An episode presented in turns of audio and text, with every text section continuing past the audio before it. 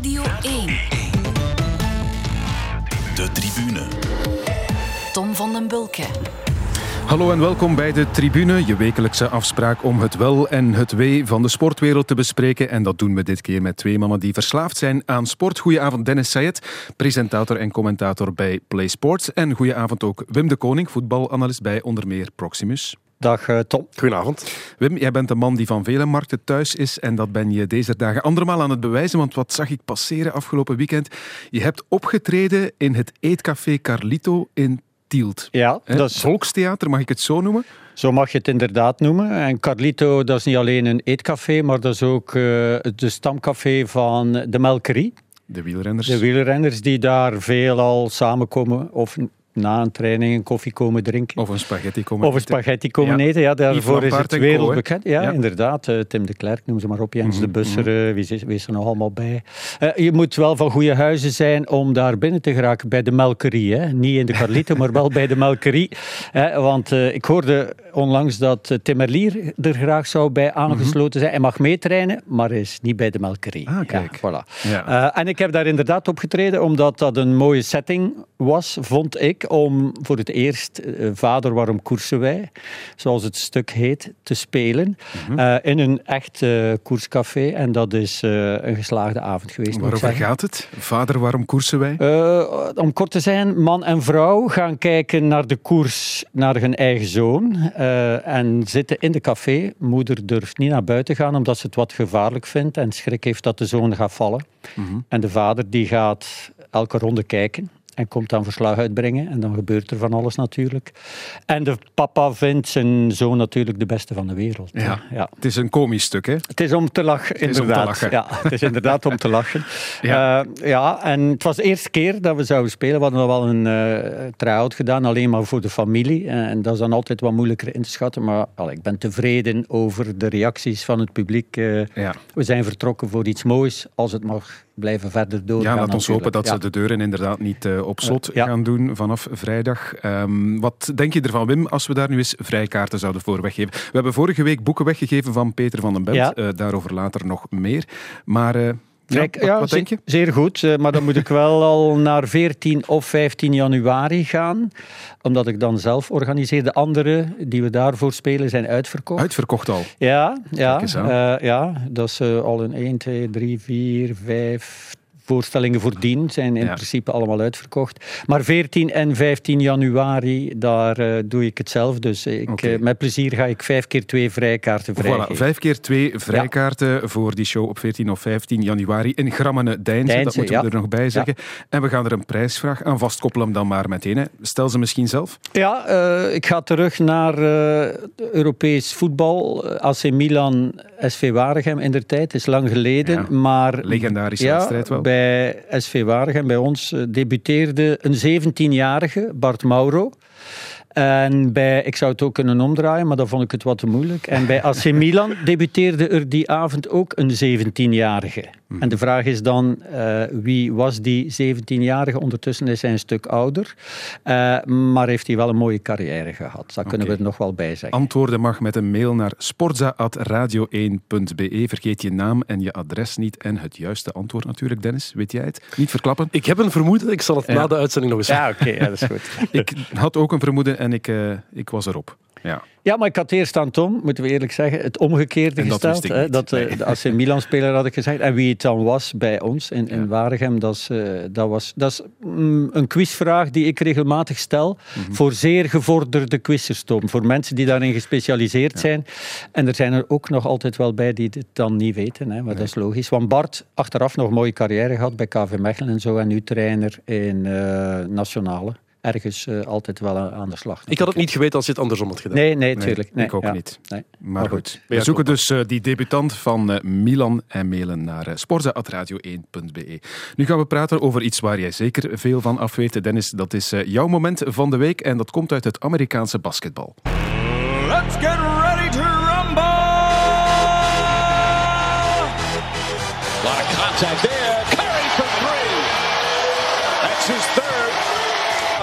another three. Got it. 26 for Curry.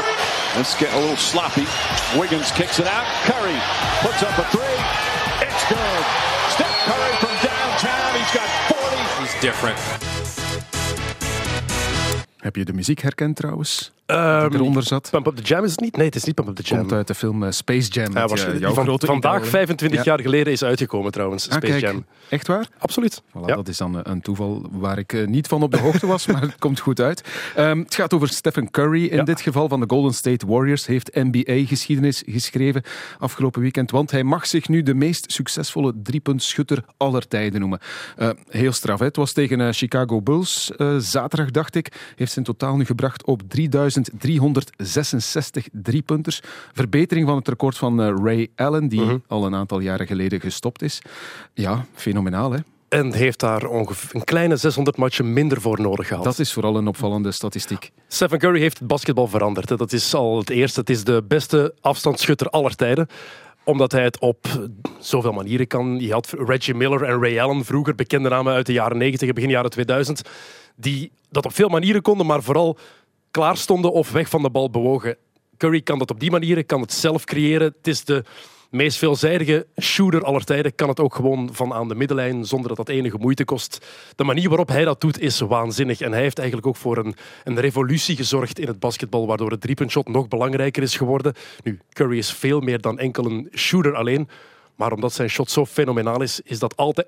Waar hij ook staat op het veld, hij is altijd gevaarlijk. Dus als verdediging is dat vreselijk, want je moet die gast constant in de gaten houden. En ik die staat dan ook nog inderdaad af, want Ja. alle ploegen waartegen hij speelt, ja, iedereen weet het ondertussen wel dat hij dat zo goed kan, die driepunters, maar blijkbaar valt dat toch niet af te stoppen. Vooral, het is ook een van die spelers die nooit stilstaat. Ook als hij de bal niet heeft, hij beweegt constant. Dus als verdediging moet je daar constant rekening mee houden dat dat gastje daar constant aan het rondlopen is. Ik zeg ook gastje, want hij is maar een meter 93, wat in de NBA in 2021 niet meer zo indrukwekkend is.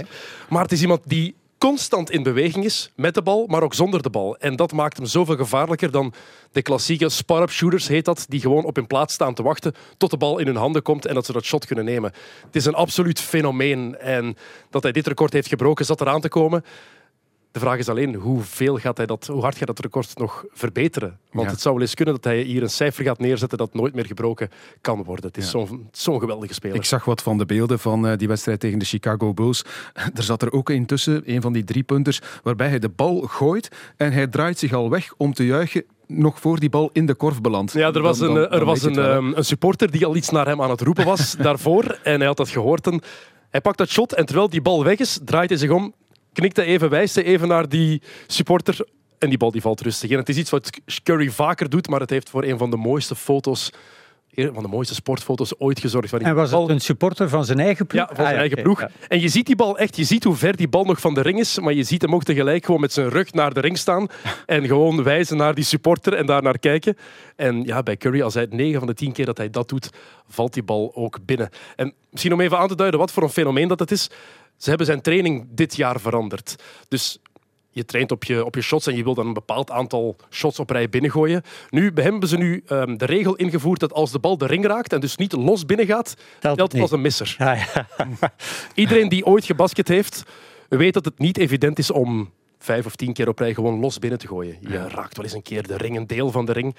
Telt niet bij hem dan. Het moet los binnen zijn of het is een misser. En dat is daarom, als je dat al bedenkt, is waanzinnig. Ja. Elke basketbalfan kent hem natuurlijk, ehm, maar voor de niet-kenners zal ik dan maar zeggen. Wat moeten we nog weten van Stephen Curry? Hij is eh, 33, dacht ik, speelt al zijn hele carrière bij dezelfde ploeg, Mhm. Ja. Golden State Warriors. Ja, het is eigenlijk iemand die iedereen zou moeten kennen. De Warriors die zijn vijf jaar de meest dominante ploeg in de NBA geweest.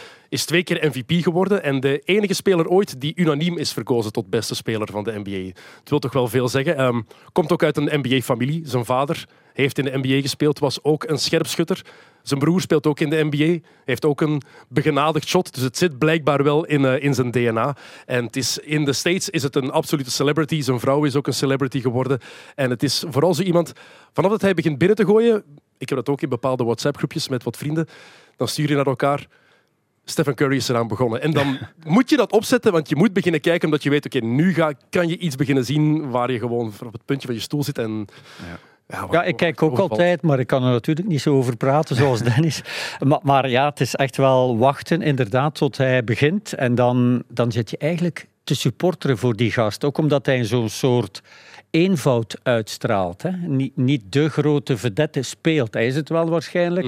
Eh, maar dat hij toch ja, eh, gewoon lijkt. En zijn bijnaam zegt eigenlijk ook alles. Ja. De baby-faced assassin. Ja. Ah, Past perfect bij wie hij ja, is. ja, ja, ja, inderdaad. Maar, Chef Curry hoorde ik ook. Ja, eh, absoluut. Chef. Curry. Ja, Ja, oké, ja. in de NBA heb je niet maar één bijnaam. Nee. Oké. Dat is bijna onmogelijk. Voilà. Bij deze weten we dat ook weer. Over naar het moment van Wim. Ook eh, over iemand die goed bij schot is in eh, de laatste weken. Het gaat wel over voetbal. Portugal lijkt dus op weg naar de wereldbeker. Nog één voorzet in de 90ste minuut.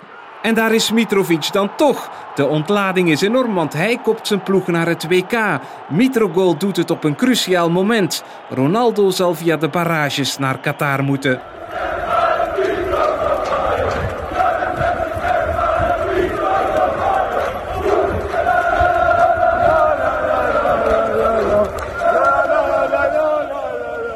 Het was eh, één groot feest. Alexander Mitrovic trapte Servië zondagavond eh, naar de wereldbeker. Ja. Met dat doelpunt in toegevoegde tijd.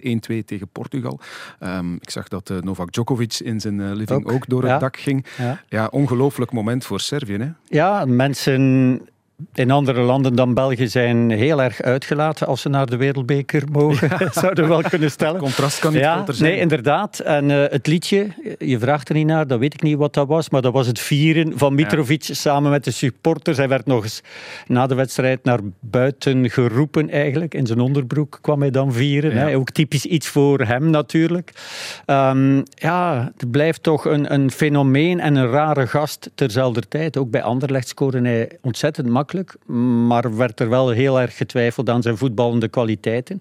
Ook nu, hè, zondag zat hij op de bank, hij is maar aan de rust ingevallen, dus ze zien hem niet als de echte spits van Servië momenteel. Eh, maar hij heeft er wel dit seizoen in Fulham al 20 gemaakt. Oké, het is tweede klasse in Engeland, maar hij maakt er wel In al 17 20. wedstrijden. In 17 wedstrijden. En naar het schijnt, want dat weet ik zo goed niet, is hij nu ook in het veldspel meer betrokken. Het is een spits die echt wel leeft bij de bevoorrading. Hij moet die ballen krijgen. Iemand die zelf iets creëert, nee, dat is het niet. Het is een heel ander type dan bijvoorbeeld een, eh, een Ronaldo. Eh, Maar in de box is hij van de betere van de wereld. En daar is altijd over getwijfeld geweest. Hij heeft vorig jaar ook maar drie goals gemaakt bij Fulham. Eh, In eerste, in de Premier League dan. En nu heeft hij ook al vijf assists. Dat zal waarschijnlijk met zijn kop zijn, want daar is hij ontzettend goed in. Dat positie kiezen en zo. En ja, de, zij gaan door naar het WK en, Ser- en Portugal is er nog niet zeker van. Hè. En wij vinden het allemaal zo logisch eh, om naar een eindronde te gaan en naar een WK te gaan, dat wij beginnen te zagen over een tegendoelpunt tegen Estland. Ja. Ja. Maar de Portugezen die moeten zich nu nog gaan kwalificeren. En ja, daar is natuurlijk heel veel rond te doen, want Portugal, laten we eerlijk zijn, minstens op papier evenveel talent als België. Oké, in de wedstrijd die we tegen gespeeld hebben op het TK was het misschien niet op die, in die, die mate te zien en speelden ze ook al zeer defensief. Wat een beetje Fernando Santos verweten wordt daar. ja. ja, maar aanvallend.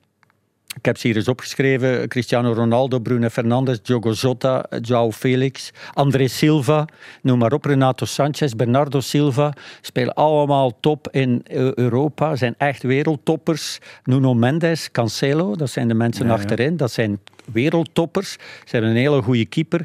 Eh, ik, Palinha is minder bekend, maar is, ja, Ruben Diaz, vergeet ik dan nog? Ja. De kapitein van Manchester City. Dat is op papier Ja. misschien zelfs een betere Dat is een betere ploeg. Ja, voilà. Ja. Eh, en dan is het logisch eh, dat die coach eh, nu eens bekeken wordt. Er was een beeld na de wedstrijd dat Ronaldo heel erg boos was op eh, Santos als die hem wou komen feliciteren. Hij meet als het ware de handdruk eh, van zijn coach.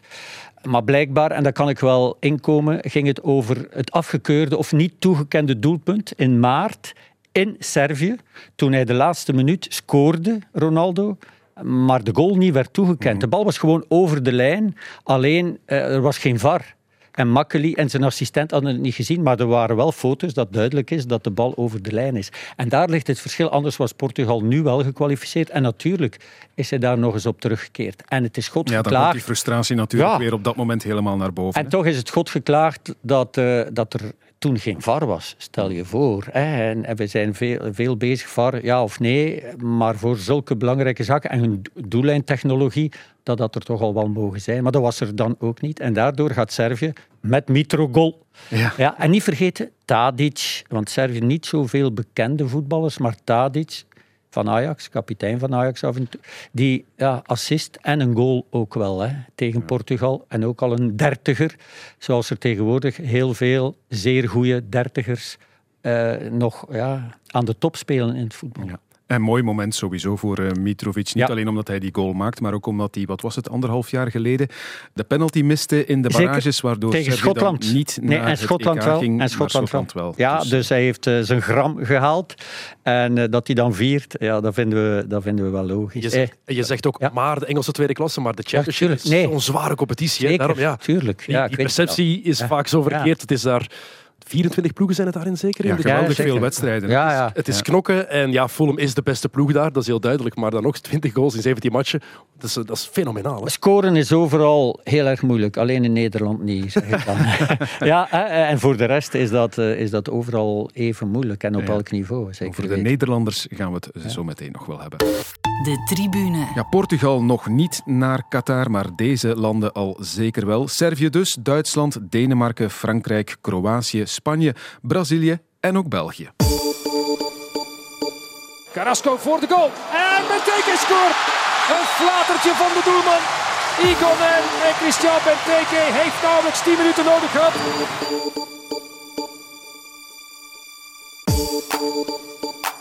Carrasco die gaat trappen met links. Oh, heerlijke goal. Yannick Carrasco. Wat een formidabele goal voor 2-0 voor de Belgen. Minuut 53. Meegeven met de Bruinen is goed gedaan. De Bruinen met een voorzet, tweede paal. 3-1. Daar is Hazard. Hij scoort wel. Lang heeft de maar een klein beetje onzekerheid niet geduurd.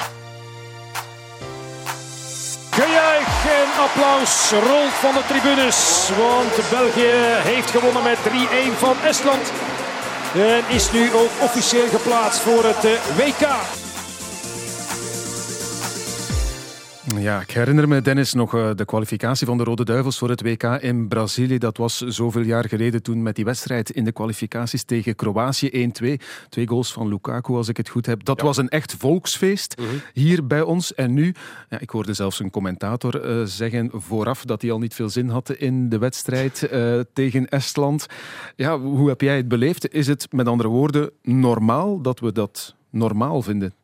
Ik was tijdens de eerste helft was ik aan het, was ik aan het presenteren. Want waren, toen was de sprintrace van de grote prijs afgelopen weekend in Brazilië. Formule dus die heb 1. ik niet kunnen volgen, Ja. live kunnen volgen. Daarna heb ik wel gekeken. Maar je, ik voelde inderdaad ook die drang om dat te zien, wat er wel was in 2013, die is daar veel minder. En dat is omdat je het wat gewoon wordt. Misschien, ehm, bij mij was het ook omdat ik gewoon met andere dingen op dat moment bezig was. Gelukkig heb Mhm. Ja. ik een echt excuus. Maar misschien zit het een klein beetje in ons DNA om dingen eh, wat eh, gewoon te vinden. Of het zegt veel over hoeveel vertrouwen wij hebben in de kwaliteit van deze spelers. Dat Ja. we gewoon weten dat we een goede ploeg hebben en dat het zeker in de groep waarin wij zaten, dat het gewoon de meest evident, ja, dat gewoon de evidentie zelf was dat wij naar het WK zouden gaan. Zo kan je het ook bekijken. Als je dan de cijfers bekijkt, Wim, van de voorbije jaren. Ik lees dan dat de Belgen in 47 voorrondematchen 40 keer gewonnen hebben, maar één keer verloren Ja. sinds de WK-voorronde van 2014. Ja, dat blijven natuurlijk wel straffe cijfers. Dat zijn fenomenale cijfers, hè, maar die wij ja, normaal vinden. Hè. Er is zo'n danige gewenning opgetreden. Wij wisten allemaal, iedereen wist voor de wedstrijd dat wij zouden winnen. Ja. We gaan er altijd maar vanuit, maar die ploeg moet dat dan altijd maar doen. En ik moet eerlijk zeggen, tegen die mindere tegenstanders, waar andere landen wel eens steken laten tegen, tegen laten vallen, dat, ja, dat hebben wij niet. Hè. Dus wat dat betreft is die groep wel zeer matuur en is ja, de symbiose die er dan toch is met Martinez toch wel optimaal. Hè. Hij kan ze toch altijd wel scherp aan de aftrap brengen. Eh, wij pakken altijd initiatief. Tegenstander stelt zich altijd in op ons ook. Er zijn er weinig bij die ons ja, frank en vrij aanpakken. Dat- Dat doen ze niet. Wat ook altijd in onze kaart speelt natuurlijk. En eh, ja, sommige mensen vinden het geen wedstrijden meer hè, tegen ploegen zoals Estland en dergelijke. Dat nu ook wel even goed 7, 8, 1 of 2 kunnen zijn. Hè, met een beetje geluk en een beetje beetje scherper afwerken. Uh, en ja, 80, hoeveel was 82% balbezit, eerste helft. Ja, veel mensen zeggen, ja, dat is geen wedstrijd. Om een wedstrijd te hebben moet je twee ploegen hebben die een beetje min of meer evenwaardig zijn. Maar wij zijn zodanig goed, zeker tegen die net iets minder kwalitatieve tegenstanders, dat het... Uh, ja, ik kan me wel voorstellen, sommige mensen soms het saai vinden als je niet echt gebeten bent. Hè? Dat je weet, oké, we gaan toch winnen. Wanneer maken we die goal? En juichen we dan? Oké, ja, maken we er nog eentje? Ja. Mhm. Uh, en als we dan een tegen krijgen, ja, dan staat het land op zijn kop. Hè? Ja. Want ja, een goal binnen is onze verdediging dan niet te slecht. Hè? Zeker om wereldkampioen te worden, want daar is dan de volgende stap. Iedereen roept nu, ja, nu gaan we wel naar Qatar, maar och, och arme, dat is toch niet moeilijk naar Qatar gaan. Maar wanneer pakken we zijn prijs? Hè? Dat is dan het volgende. Bondscoach is daar wel wat gevoelig voor. Hè? Hij zei zaterdag nog in het nieuwsblad van, ja, we beseffen niet meer wat we hebben. Ik vind dat niet, niet iets negatiefs dat we dat per se willen, dat we dat ook verwachten. Een beetje die Nederlandse mentaliteit. Geloven in de ploeg. We hebben zoveel kwaliteit, dus waarom zouden we niet voor het allerhoogste moeten gaan? En dat de supporters dan teleurgesteld waren na het EK, vind ik maar al te logisch. De spelers waren dat hmm. zelf ook. Dat de supporters teleurgesteld waren met die derde plaats op het WK. Kevin De Bruyne heeft dat pas nog gezegd in mid-mid. heeft gezegd van ja, kijk, wat, ik was, ben nog altijd teleurgesteld met die derde plaats. Dus eigenlijk is dat, ik vind het maar al te logisch dat we dat hopen. Verwachten is natuurlijk iets anders. Hmm. Want we mogen niet vergeten hoe goed andere landen ook nog zijn. Wij zijn niet het enige topland dat er bestaat. Hè. Je hebt net de naam van uh, alle namen van de Portugese ploeg overlopen, Wim. Ja. Dat is indrukwekkend. Je hebt Engeland, je hebt Frankrijk. Italië, Italië Spanje. Duitsland, Brazilië. Ja, want, Wat is WK hè, nu? Ik kwam... Argentinië, noem ze maar op. Hè. Ja, begin er maar aan. Hè. Maar dan is het misschien goed, Dennis en, en Tom, dat we ja, als een soort underdogs gaan vertrekken. Hè. Want eh, de andere keren ja, spraken we ook uit. Nee, we gaan voor die titel. Misschien moeten we dat ook wel weer uitspreken, maar dat blijft dan wel... En je, zolang je FIFA nummer 1 bent natuurlijk, ja, ga, je, ga je altijd wel zo bekeken worden.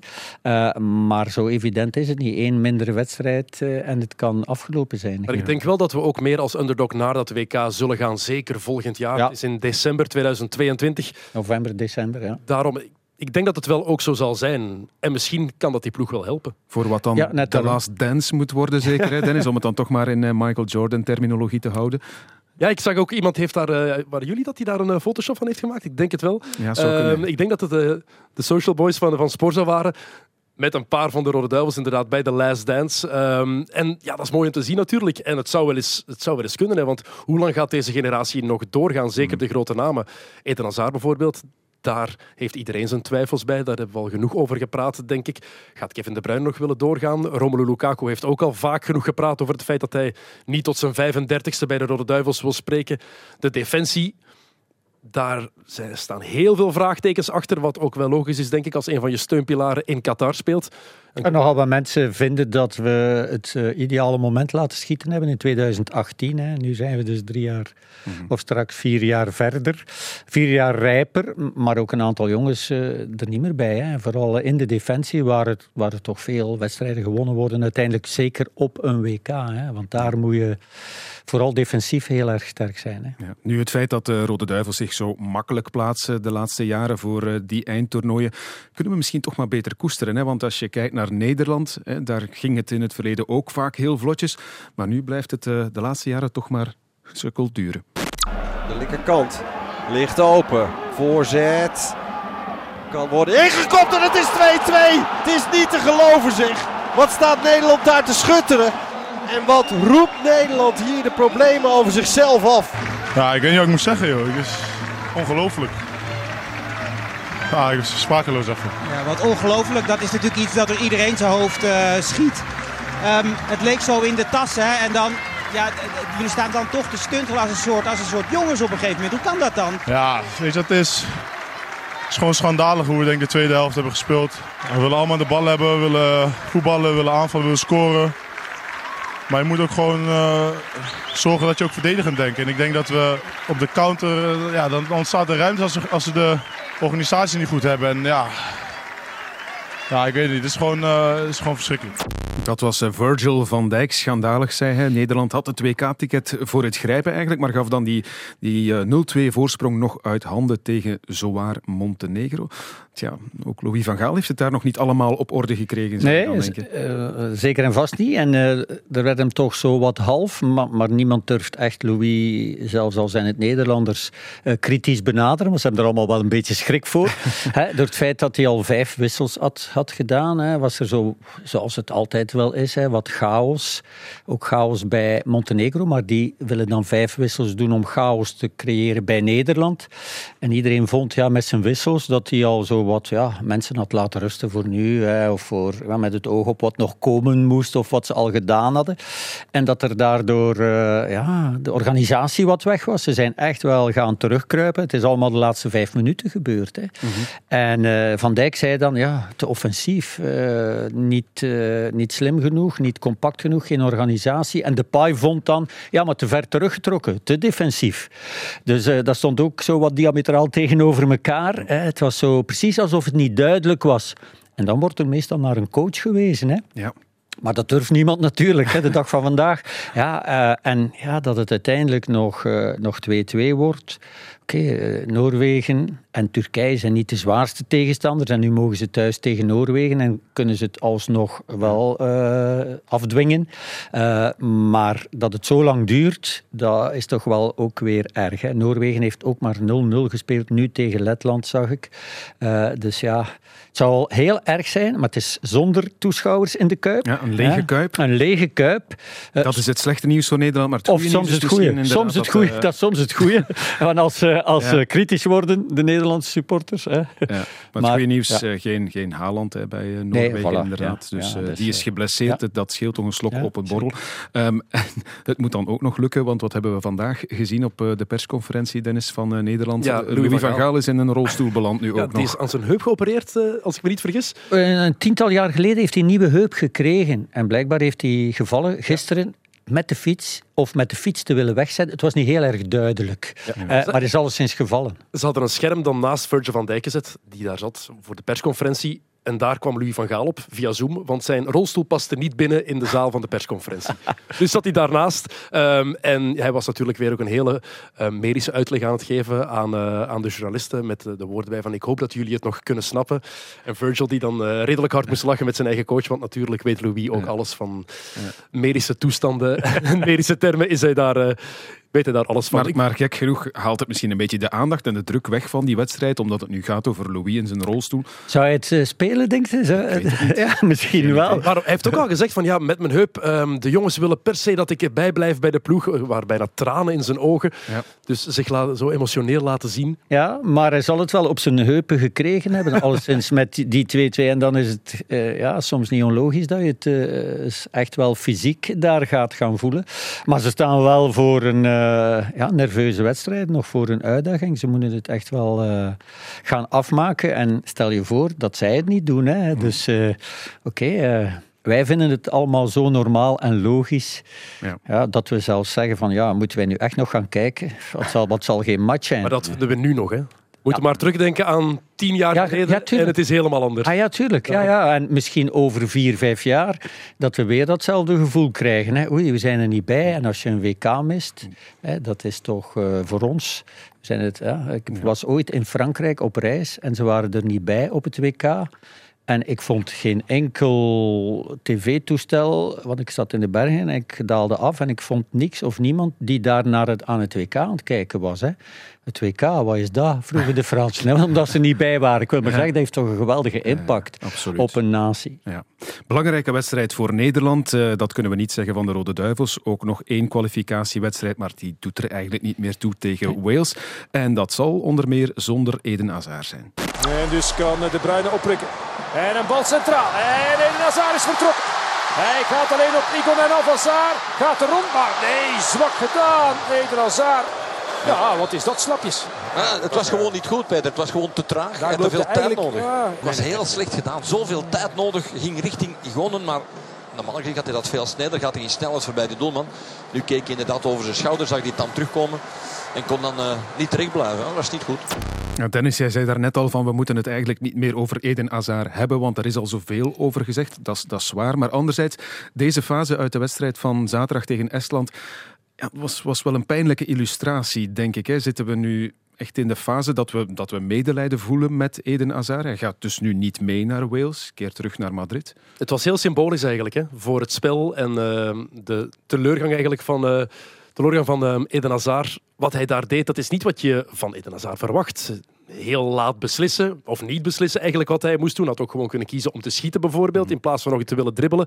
En ik vond de opmerkingen van Christian Benteke op de persconferentie achteraf ook wel heel opvallend. Uh, Eden Hazard is niet meer dezelfde speler, het is een andere Eden Hazard, maar hij heeft niet meer die vier of vijf dribbles nodig om beslissend te kunnen zijn. Ik weet het niet of dat wel zo is. Eden Hazard is net altijd beslissend geweest, omdat hij die dribbel... Door zijn acties. Door dat, zijn acties, ja, zeker. Dat maakt Hazard toch net Eden Hazard. En Tuurlijk. ik vraag hem af, hoe kan die gast dan beslissend zijn als hij die snedige, snedige dribbels niet meer heeft, als hij geen man meer kan passeren? Ronaldo had ook in het begin van zijn carrière die snedige overstapjes, dribbles, versnellingen. Dat is ook uit zijn spel. Maar die is geëvolueerd naar een echte doelpuntenmaker. Die altijd op de goede plek staat, kan koppen, neus heeft voor de goals. Uh, heel erg egoïstisch is wat dat betreft. Eden Hmm. zal nooit een doelpuntenmaker worden. Puur en heel erg fit Nee. natuurlijk ook Ronaldo. Wat Ja, we zeker. dan bij Ook Eden Hazard niet, missen. niet, niet zien, ja, dat voilà. klopt. Ja, gelooft, gelooft iemand dat hij nog de oude kan worden? En zo ja, moet hij dan niet dringend van club veranderen?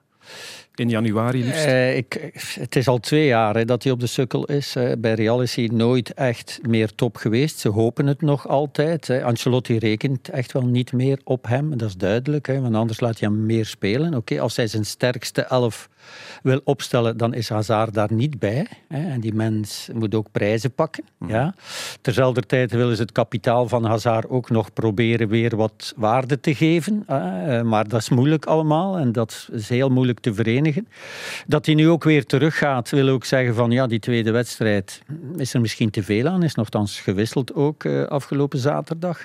Eh, ja, als hij dan toch wat ritme wou opdoen en wat wedstrijden naar elkaar wou spelen op een korte periode, was het misschien wel goed geweest om mee te gaan naar Wales. Nee, nu gaat hij weer naar Ginder. Was dan de, wat is daar dan de onderliggende reden achter? Geen idee. Ehm, ja, oké, ik kan Charles de Ketelaar eens uittesten en, en al van die zaken. Maar het is wel zo, als wij wereldkampioen willen worden, moeten we niet alleen de beste Kevin De Bruyne hebben en de beste Courtois en noem maar de beste eh, Lukaku, maar ook wel de beste Eden Hazard. Ja. En niet vergeten, in 2018 2K, die versnellingen die hij daar plaatste, als hij die bal had, mensen in zijn rug achterlaten en dan ook nog dat balken tussendoor, die, ja, die mensen dreiging telkens malen dat er van hem uitging, dat zijn wij al lang, niet, al lang vergeten. Dat is wat jij net zei, Tom, Ja. het fysieke. Dat is heel belangrijk. Die vergelijking met Ronaldo, die houdt heel veel steek. Want Ronaldo, waarom kan die zo lang top blijven? Omdat hij, net zoals LeBron James of Tom Brady, zich zo maniacaal verzorgen, daar zoveel geld en energie in steken, dat ze aan de top kunnen blijven steken. Bij Hazard lijkt dat niet het geval. Wij zijn Nee, maar het is ook zo, we hebben het hier de vorige keer al over gehad, over Lewandowski, Benzema, noem ze maar op, hè, eh, Ibrahimovic, al die oudere spitsen, hè, ah, voorspelers die echt fit moeten zijn en moeten hebben van een fitheid, ja, die doen daar immense zaken voor om fit te zijn. En bij Eden ja, hangt de hamburger van bij Lekers daar nog altijd zo'n beetje Ja. in ons achterhoofd. En dat is eigenlijk nooit echt gekeerd qua perceptie. Eh, en het kan nog wel. Moest hij nu. En hij laat zich ook wel begeleiden, denk ik. Hè? Zeker op fysiek vlak. Maar dat heeft er ook mee te maken. Hè? En dat Die- kruipt ook in het kopje. Hè? Zeker Ik weten. ging het net vragen, hè, want we kennen hem allemaal als eh, ja, de, de, de oorlijke jongen die het allemaal van zich laat afglijden. Maar zou het nu niet toch stilaan, nou wat is het, toch al een jaar of twee op de sukkel beginnen spelen in zijn hoofd? Maar iedereen die ooit een blessure heeft gehad en gesport heeft, of in competitieverband, maakt niet uit op welk niveau, dat kruipt altijd in je hoofd onbewust na een tijd. Je gaat bepaalde dingen vermijden. Je kan ook sommige dingen gewoon niet meer. Hè? En zeker bij Hazard duurt het al zo lang. De dingen die we van hem gewend waren, wat Eden Hazard zo fantastisch maakte, die zien we gewoon niet meer. En Dat voelt hij ook. Hè? Dat voelt hij ook. Dat hij dat ook niet meer kan uitvoeren. In zijn hoofd nog wel, maar als het dan niet lukt. Ja. En eh, ja, ik las het van Gert. Het was Gert Verrijen die zei van in zijn run naar de keeper toe, als hij alleen weg was, eh, hoorde je het kraken tot in het televisietoestel. eh, Wat hij allemaal, allemaal het aan het nadenken. nadenken was. Hij, hij zag misschien de afgelopen twee jaar ineens Mhm. eh, de revue passeren, waardoor hij niet tot een besluit kwam. En daarom had hij misschien wel meegemoeten naar Wales, zodat hij nog eens kon dat spelen. Ja, waarom niet? Waarom niet? Maar ja, eh, je ziet ook wel als hij dan weer bij de nationale ploeg komt en je ziet foto's en je ziet beelden, eh, de lach op zijn gezicht. Die is een beetje weg in Madrid als je daar eh opwarmingswedstrijden of eh, beelden ziet. Ik heb hem ook al, was, waar was het? In Inter Milaan, toen ik daar live was ook, eh, 45 minuten zien opwarmen. Hè? Hoe erg moet dat zijn voor Eden Hazard om 45 minuten langs die zijlijn te lopen? En dan te zien dat er andere jongens die in de pickorde ver achter hem zouden moeten staan, voor hem invallen en ook nog de wedstrijd beslissen. Ja, en dan mag je nog de speelsheid hebben en, en als een, ja, makkelijk door het leven gaan. Ja, op een gegeven moment wil je toch ook nog wel meedoen. Hè? In zijn geval. En misschien een oproep, Dennis, ja, dat hij zich wat dat betreft qua voeding en al dit soort zaken, die extra zaken die het verschil maken, moet hij misschien nog eens helemaal de knop omdraaien en dan zien we volgend jaar hopelijk, hopelijk de beste Hazard. Dat is inderdaad, je zegt, iedereen hoopt dat. Hè. Ja, Elke tuurlijk. supporter van de Rode. Duivels hoopt gewoon om Hazard, terug Hazard te zien worden. Fingers crossed dat dat dan eh, maar lukt hè, tegen volgend jaar. De tribune. We gaan tijd maken nu voor een andere nationale ploeg. De Belgian Cats, de nationale basketbalvrouwen die begonnen zijn aan de voorronde van het EK in 2023. Dan op een shot, ook dat gaat binnen. Goed voor uh, Raman. Haar eerste score? Ja, de eerste drie punten er binnen. 29 punten verschil. Nog uh, minder dan een minuut. Dus we kunnen nog boven de 30 geraken. Snel spelen, dat kan uh, nu niet. Ja, duurde lang. Die 0,6. Ja. Maar uh, geen verschil. Maakt hem eruit. Belgian Cats met een uitstekende tweede helft. Helemaal losgeraakt van uh, Duitsland. Winst tegen Duitsland, verlies uh, eerder tegen Bosnië. Dat is de balans eigenlijk na twee wedstrijden onder de nieuwe coach, Valérie Demory. Dennis, hebben we al nieuwe dingen gezien in het spel van de Cats onder de Fransman? Te weinig, in mijn ogen. Ook en vooral omdat we maar één goede helft gespeeld hebben. Het was echt niet goed, die andere drie helften die we gespeeld hebben. Als we tegen een topploeg spelen, mm-hmm. zoals we in de eerste helft tegen Duitsland hebben gespeeld, staan de Cats er 20 achter, vrees ik. Het was slordig, veel te veel balverliezen. Soms leek het wel alsof er bijna geen ruimte was op dat veld, terwijl het toch belangrijk is om af en toe dat veld wat groter te maken. Um, defensief waren er veel te veel gaten. Duitsland is gewoon niet goed genoeg als ploeg. Gelukkig dan maar. En tegen Bosnië zijn we afgemaakt door een fantastische Jones, de MVP van de WNBA, die daar een 40er en nog eens 20 rebounds mm-hmm. bovenop heeft gedaan. Dat is buitenaards wat die heeft laten zien. Maar op zich zou dat ook niet mogen dat hij zo domineert. Ja, ze is ze is fantastisch. Je wordt niet voor niks. Ploegmaten van, ploegmaten van Emma Meersman. In Rusland. In, ja, in Rusland. Hè? Ja. Je wordt niet voor niets MVP van de WNBA. Dan heb je genoeg klassen. Maar zo overklast worden, dat was te veel. Nu, het is misschien nog niet onlogisch, want twee matchen onder de nieuwe bondscoach, dan moeten er nog wat dingen gebeuren. Zoveel hadden ze ook nog niet samen getraind. En kan je op zo'n korte tijd al die skills en die, die aanvalspatronen, kan je dat zo snel in oefenen, inwerken? Maar het, het, ding met deze ploeg is natuurlijk, die speelt al zo lang samen ook, dus die automatismen die zijn daar ergens ook wel in. En dat vond ik ergens het jammer om eraan te zien, dat er heel veel van die automatismen moeilijk te zoeken waren. Ja, het leek wel alsof ze misschien te graag die nieuwe dingen wilden proberen. Julie Allemand bijvoorbeeld, um, de matig, point guard was niet goed nee, gewoon. Nee, slecht. Terwijl het de op één na beste speelster is eigenlijk van de Belgian Je zag ze nadenken aan de bal, het was precies Hazard. Dat is exact, ja. Is, is ja, ik, exact ik, ik, ik, heb zitten kijken, want ik vind het geweldig altijd om te kijken. Ik kijk heel graag basketbal. Ja, en uh, gelukkig was Julie van Loo sterk op de, op de point Van Loo was heel goed, maar allemaal haar vrijheid leek wat weg te zijn. Het leek wel alsof ze per se wilde uitvoeren wat haar opgedragen was door de bondscoach. Ik zeg lijkt, want ik heb niet gehoord wat haar is opgedragen. Mm. Maar het leek wel alsof ze te veel aan het nadenken was van ik moet nu dit doen en ik moet effectief de, de juiste, pure spelverdeelster zijn. Terwijl Julie allemaal gewoon moet spelen. En als zij die vrijheid voelt en haar spel kan laten gaan, dan is zij zo bepalend. En dat was nu niet het geval. Emma Meesman heeft een mindere match gespeeld tegen Bosnië. Oké, okay, dat kan gebeuren. Tegen Duitsland was ze weer gewoon haar, haar stabiele zelf. Mm-hmm. 25 punten, 11 rebounds. Op haar dode gemak, zou je bijna kunnen zeggen.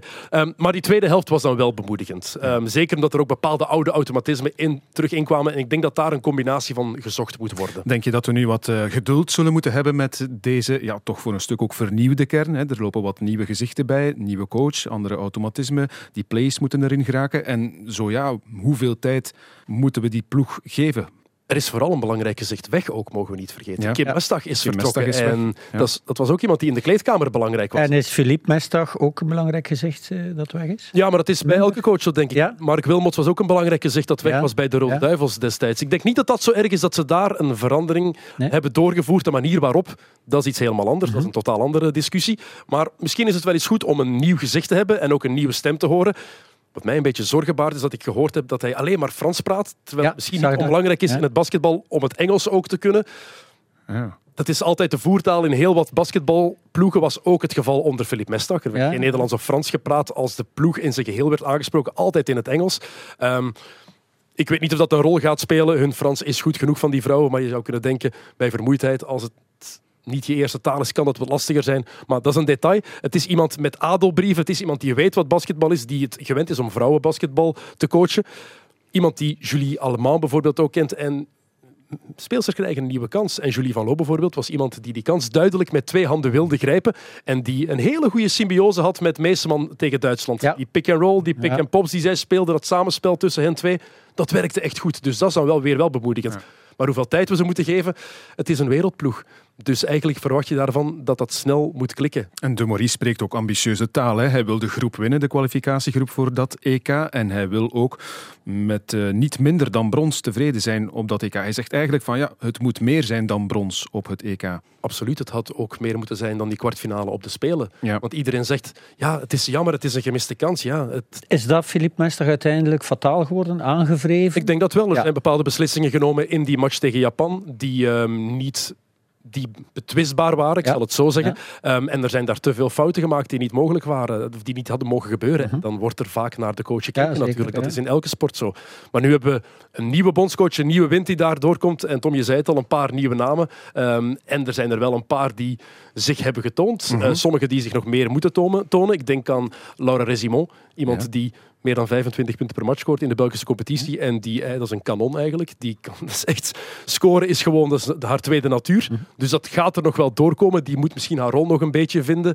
Ehm, de stemmen van Carperio en Wouters zijn ook weg. Ja. Niet onbelangrijk Ook in de natuurlijk. kleedkamer niet Ja. onbelangrijk. En je had Lissoa. Ja, 20 geweldig om naar te kijken. Ja, dat is Ja, prachtig. ook het pit dat je in zo'n ploeg Ja. nodig hebt. En zij zorgde daar meteen voor. Zij was niet onder de indruk van de omstandigheden, omdat zij ook perfect wist: dit is mijn rol, dit is wat ik ga doen. En ze deed dat met verven. Ik zag ze maar één keer verwonderd kijken toen ze die drie punten binnen gooiden.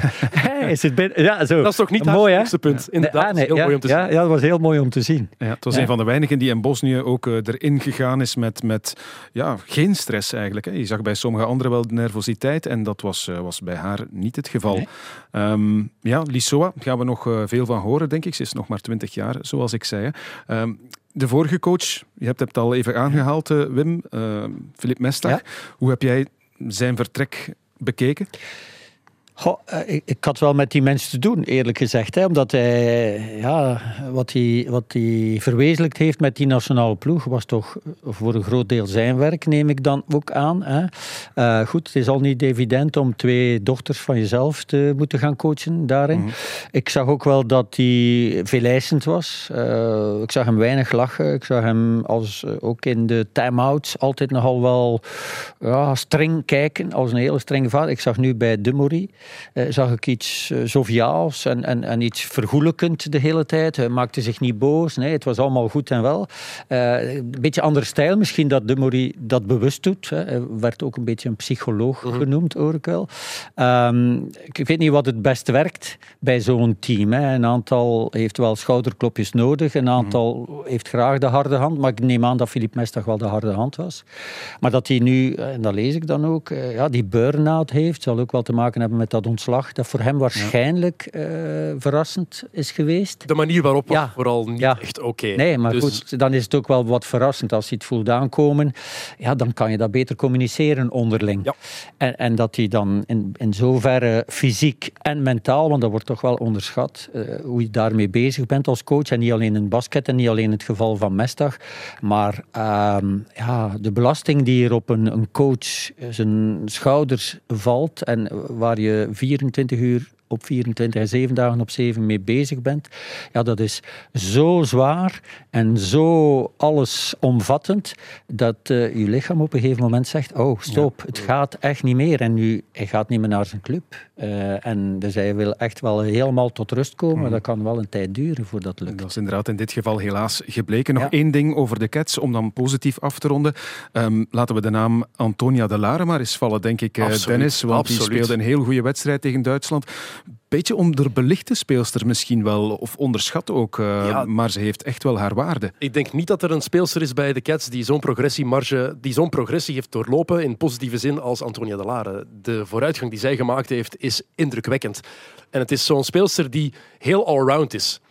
Ze werkt hard in verdediging, ze weet waar ze moet staan. Ehm, in aanval ook, ze weet perfect welke gaten ze moet vullen. Heel, in, heel hoog basketbal-IQ. Het enige wat er nog een beetje ontbrak was dat scorend vermogen. Dat was er wel, maar het kwam er niet altijd uit. Dat shot, daar moest nog aan gewerkt worden. Die techniek was niet optimaal.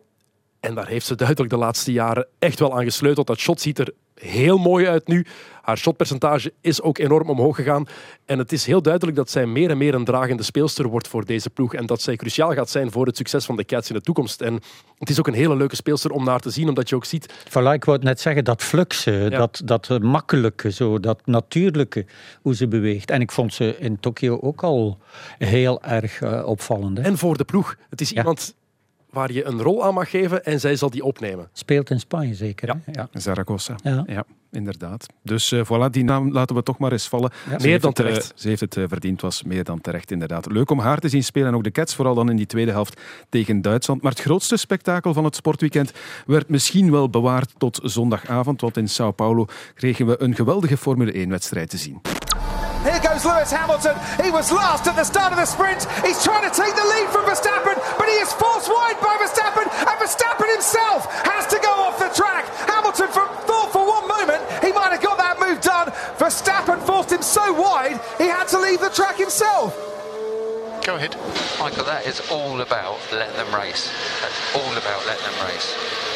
Yep, no problems. That's why I'm just having a look at it. Jonathan, there is nothing further than that.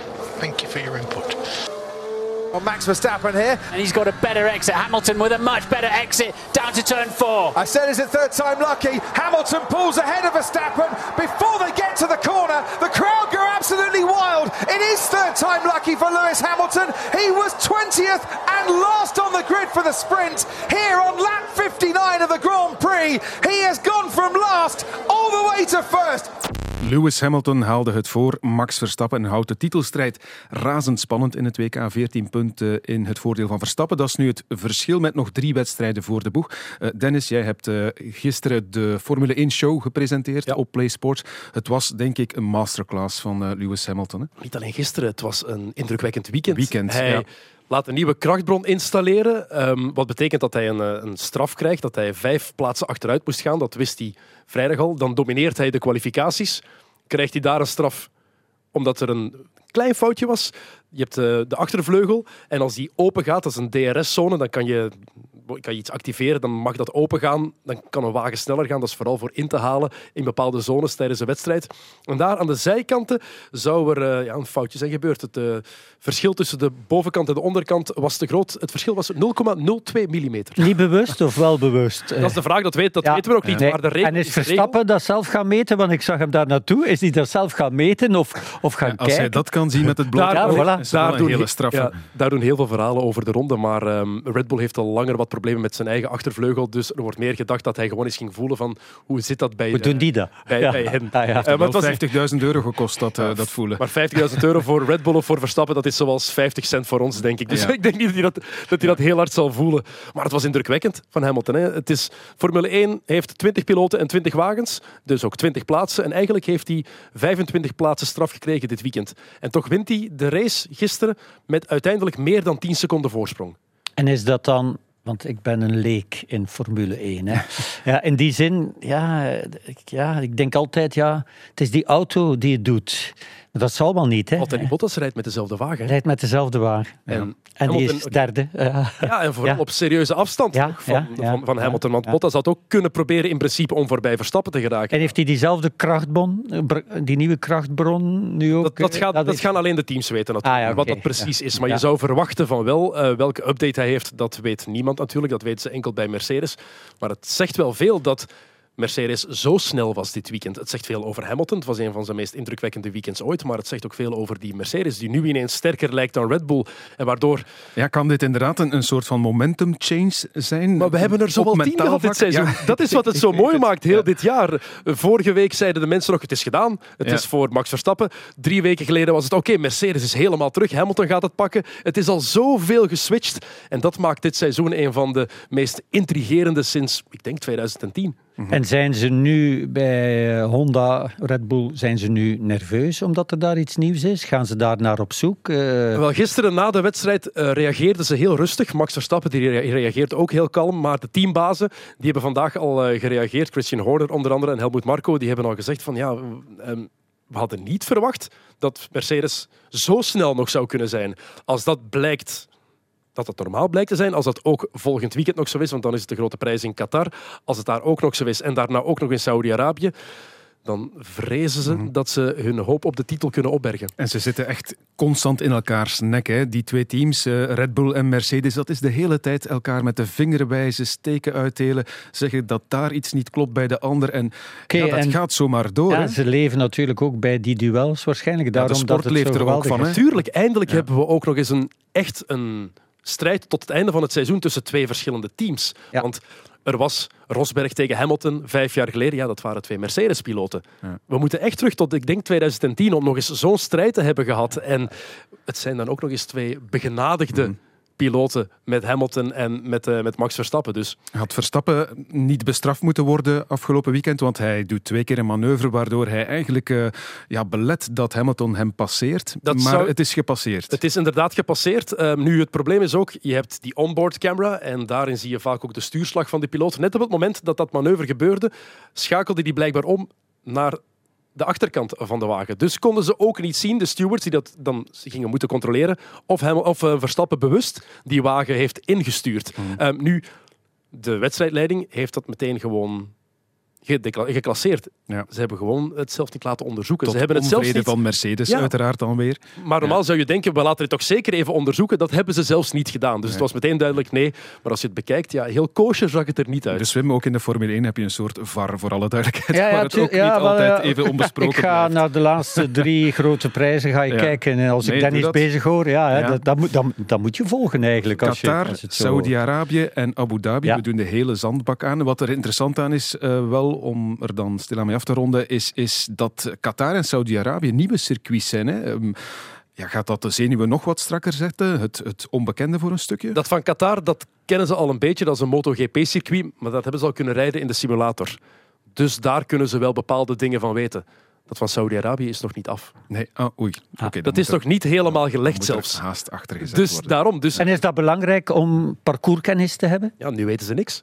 Ze weten nu helemaal niks. Oké, het wordt nog super boeiend en daarmee zijn we bijna klaar met deze uitzending. Maar niet zonder de winnaars mee te geven van het boek van Peter van den Bemt. Er was een quizvraag aan verbonden vorige week en die luidde als volgt. Over welke voetbalwedstrijd ging het allereerste verslag van Peter op de radio? Je had meerdere keuzes, maar het enige juiste antwoord was de topper tussen Dessel en Wezel in de toenmalige vierde klasse D.